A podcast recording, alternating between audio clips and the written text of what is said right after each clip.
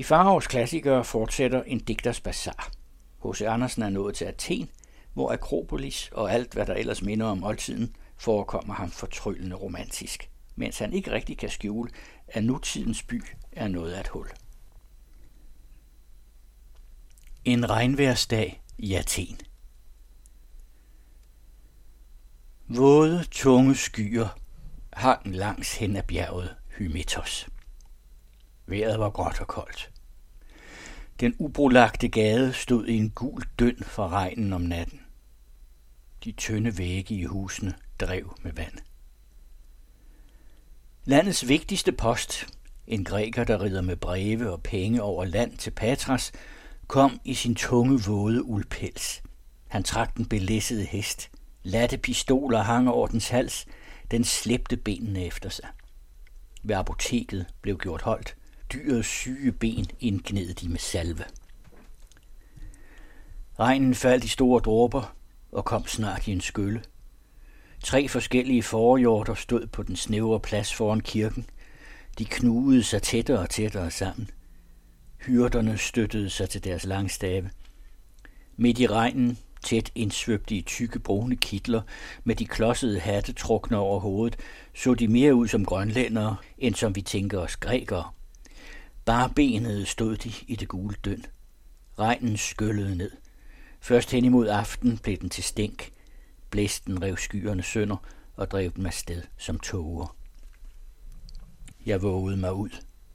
Et par sorte familier, der under tyrkerne havde været slaver, så jeg krybe frem af deres lave jordhuse. Konens hele påklædning bestod af en slags sloprok og et smudsigt skørt. Hun lå og øste vand ud over dørtrinnet, mens de små sorte børn, det ene havde kun en rød uldskjorte på, dansede i dønnet. Vildsom, uden vej eller sti, synes den hele strækning fra dette det yderste hus i gaden og ud til Pentelikon og Parnes bjergene. En mand i en foreskinspels red med pibe i munden hen over heden. Konen og den voksne datter løb bagefter. Konen bar på sin ryg et lille barn i en pose. Under sin ene arm havde hun en jerngryde, og under den anden en tømt svinehud, hvor i der havde været vin. Datteren slæbte på en stor bylt. De talte højt og glade. Manden vendte sig gravitetisk om og nikkede, red så raskere til, og kone og datter holdt hesten i halen, for at de kunne vinde med. Alt var der i sin bedste orden. Hver fandt sig efter vanen på den rigtige plads. Hvilket billede! Disse nøgne bjerge, hvor skyen ligger våd og tung, som vil den vælte ned i dalen, og dalen selv, uden hytter, uden hyrdens blus, kun med sin bleggrå timian og denne vandrende familie. Er dette Grækenland? Hvorfor hvile fædrenes misgerninger på børnene i hundrede led? Hvor den brede befarne vej gik, hvor unge åndfulde atenienser jublende vandrede til Platos akademi, rider nu i de høje hedeurter, halvt sløv den fattige bonde. Æslet kender sporet, det skal følge. Den plads, som ved en Plato er blevet hellig, den plads, hvorfra åndens lys strømmede ud over det øvrige Europa, fremviser nu kun en håb vandtrævende olietræer. Grushøjen tæt ved er Kolonos, hvortil Ødips udødelige navn knytter sig. Jeg tog vejen derhen, over den våde hedestrækning. En vandregne, der kun på enkelte steder rager lidt over jordfladen, og der har en slags stenbedækning, er nu Athens vandledning fra bjergene. Man bliver kun opmærksom på den der, hvor den er halvt ødelagt, i det hyrderne har for at skaffe deres kvæg vand taget flere af de overliggende sten bort og kastet dem til siden. Den løsnede jord flyder efter regnskyllet ned i vandet og plummer det. Jeg stod på Kolonos. En muret grav i form af en stor ligkiste findes heroppe.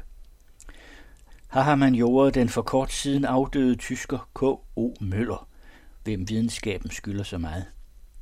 Hans støv hviler i det land, hvor han følte sig lykkeligst. Den jordbund, han elskede, modtog hans støv. Ung og tilfreds, midt i sin stræben, mens ingen forventninger om ham var skuffet, fandt han døden. Hvad kunne være lykkeligere? Jeg støttede mig op til den våde grav, ønskede, hvad jeg altid har ønsket, et kort et lysende liv. Og vinden blæste koldt og skarpt fra bjergene, våde skyer jo mig forbi, men selv i denne nordlige kolorit førte intet mine tanker mod Norden. I det hele landskab lå en storhed, som ikke selv Schweiz ejer. Der trykker bjergene. Her er dalene store som bjergene. Grækenlands natur er i sin sorg for stor til, at man kan græde. Man opløftes ved den. Rapsoderne Grækerne har en art omvankende spillemænd, rapsoder, som oftest gamle blinde mænd, hver i sit ydre en sand homer, dog også unge knøse, som ved deres musikalske talent og af tilbøjelighed har valgt denne levevej. De kunne en utrolig mængde sang. Ved vagtilden i bjergene, ved den rige grækers arne, foredrager de deres sange. Jeg udfører endnu hele musikstykker ved mandolinen. Jeg har hørt disse sange, hørt disse melodier ved nationaldansene. De sidste dage i marts var det min bestemmelse at gøre en udflugt til Delphi. Jeg kunne da have tilbragt den 2. april, min høje fødselsdag, på Parnas. Det virkelige Parnas. Men guderne ville det ikke. Dalene ved Delphi lå med sne. Floderne var strømmet over deres bredder. Det var råt og koldt. Jeg måtte blive i Athen. Men muserne var mig dog gunstige. Jeg fik på den dag både sang og musik, og det den ejendommeligste, jeg hørte i Grækenland. Da jeg kom ned fra Akropolis, hvor jeg ene havde tilbragt morgenstunden, fandt jeg på mit bord et brev med indbydelse for Ross, at eftersom jeg i dag ikke kom på Parnas, var Parnasset kommet til mig. Mere kunne man jo ikke forlange. Her var just i Athen to vandrende rapsoder, unge grækere fra Smyrna.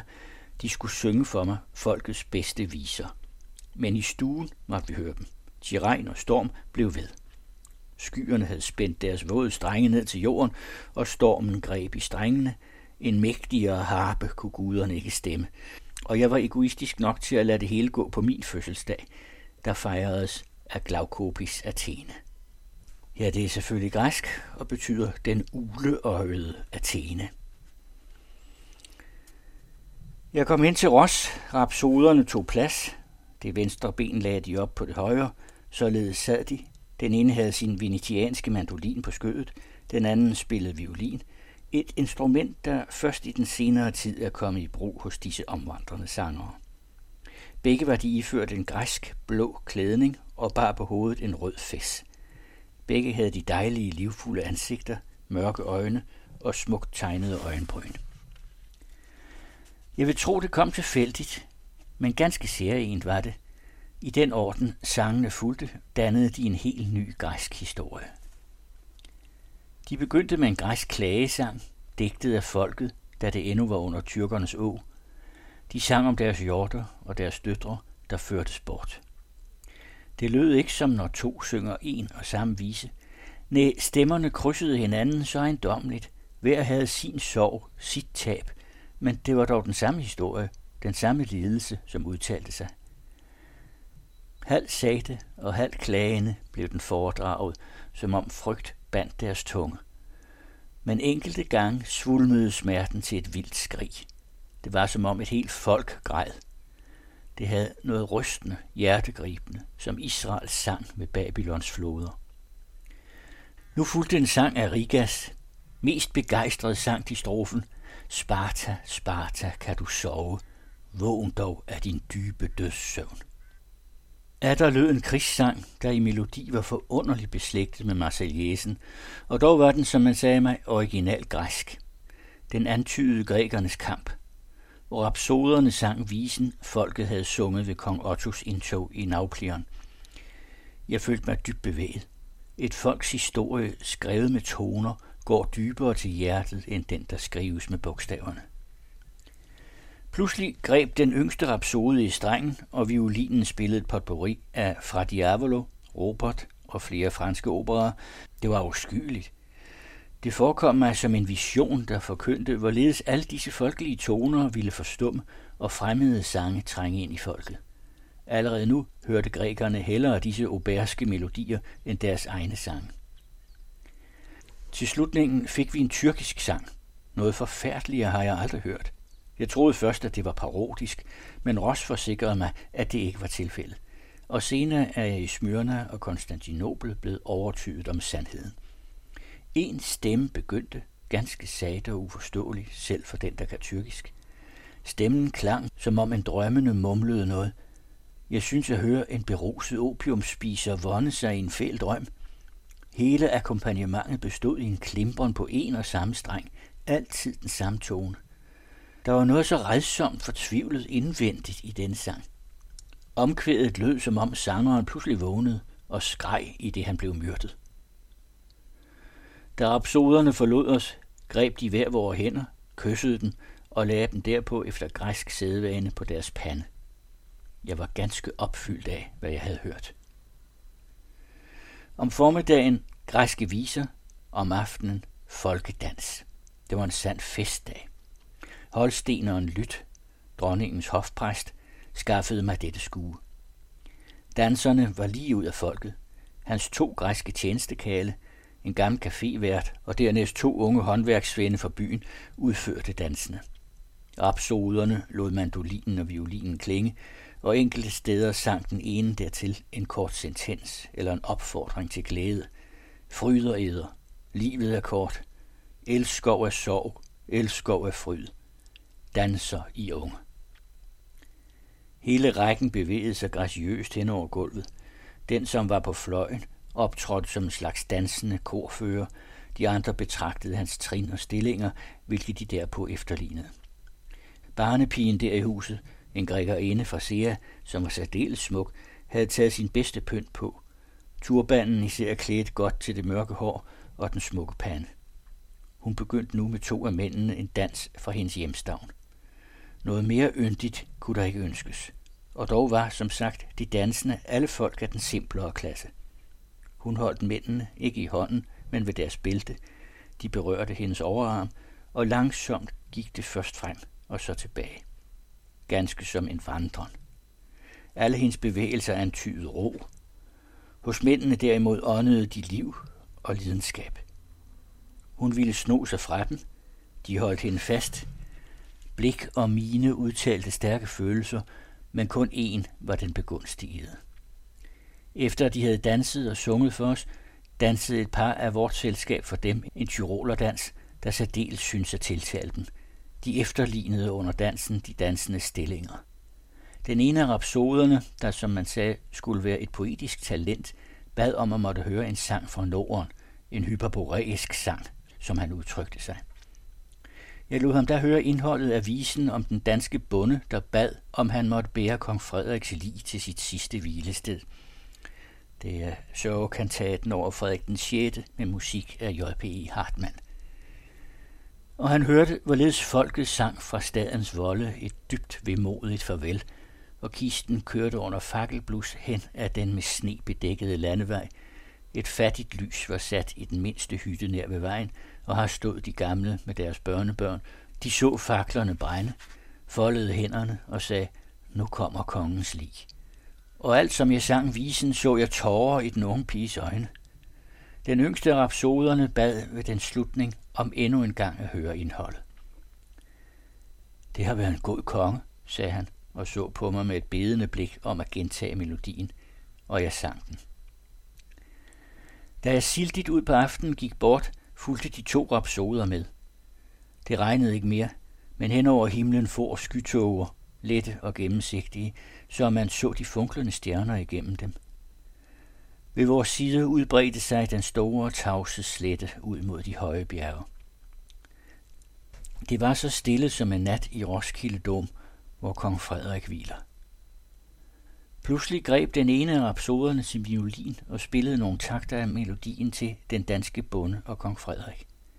Måske digter han selv en vise, efter hvad han har hørt, og synger mellem de græske bjerge og under Asiens skyggefulde plataner en sang om kongen i Norden, der blev båret til graven af den sørgende bonde. Daphne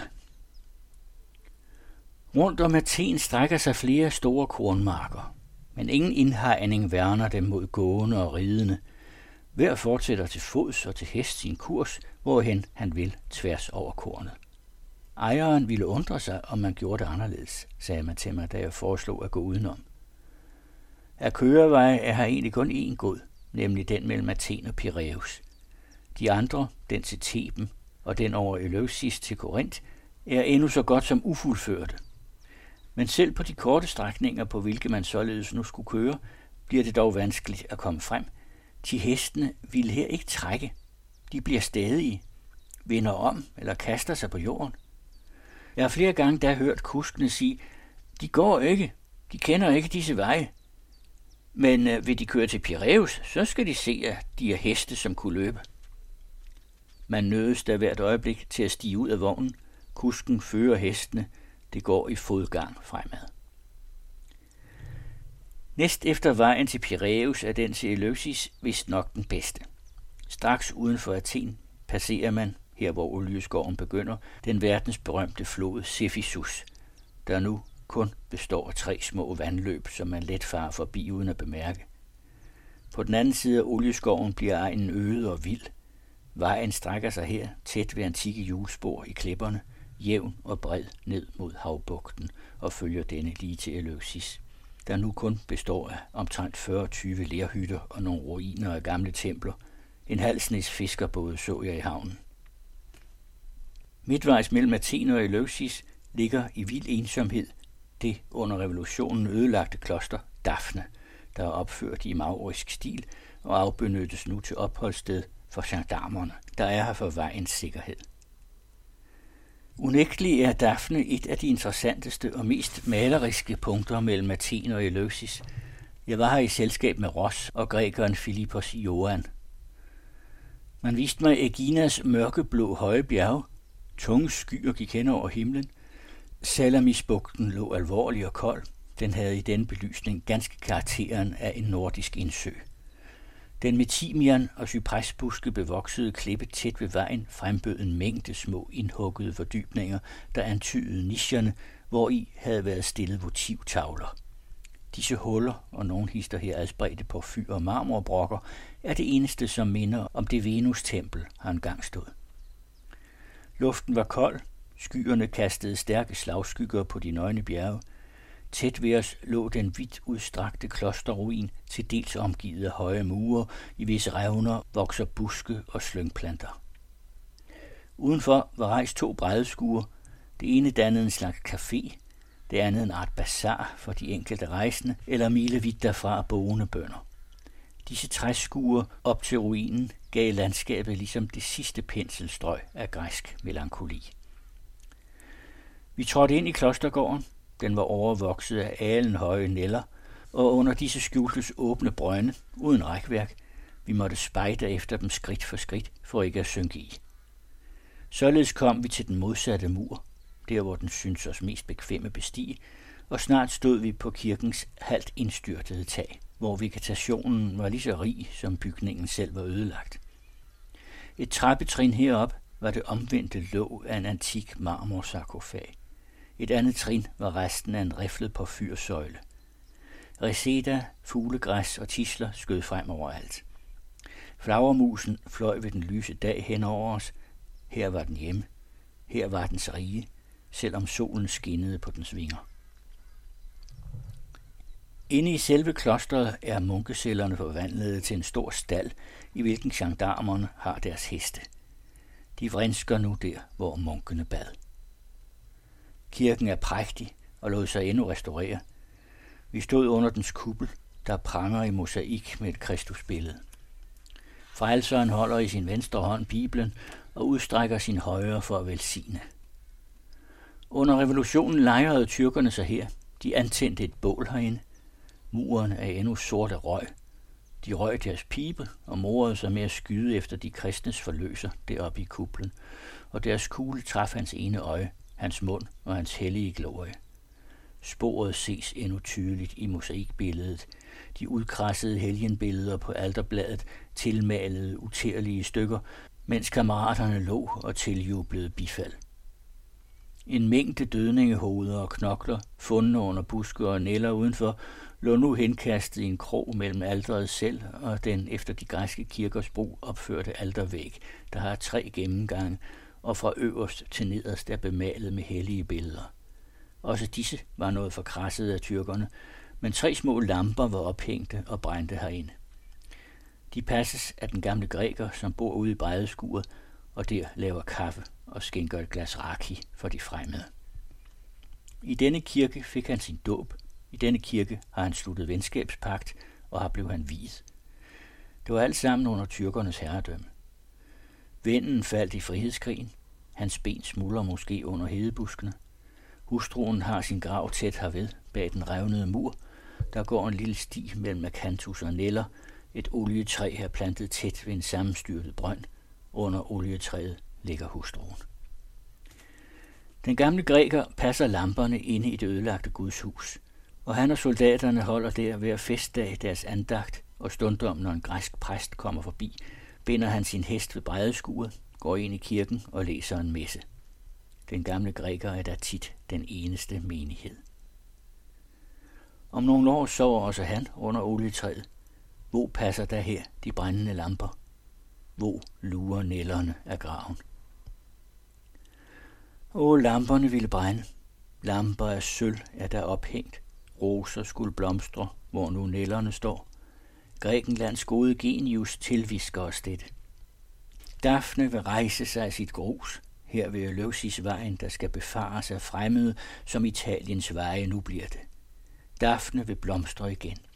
I gården, hvor nu kun tisler og neller gror, skal lavbærtræet grønnes, røgelsen dufte, og de knælende børn se en hellig vunde i Kristi øje, mund og glorie, der hvor engang tyrkens kugle rammede.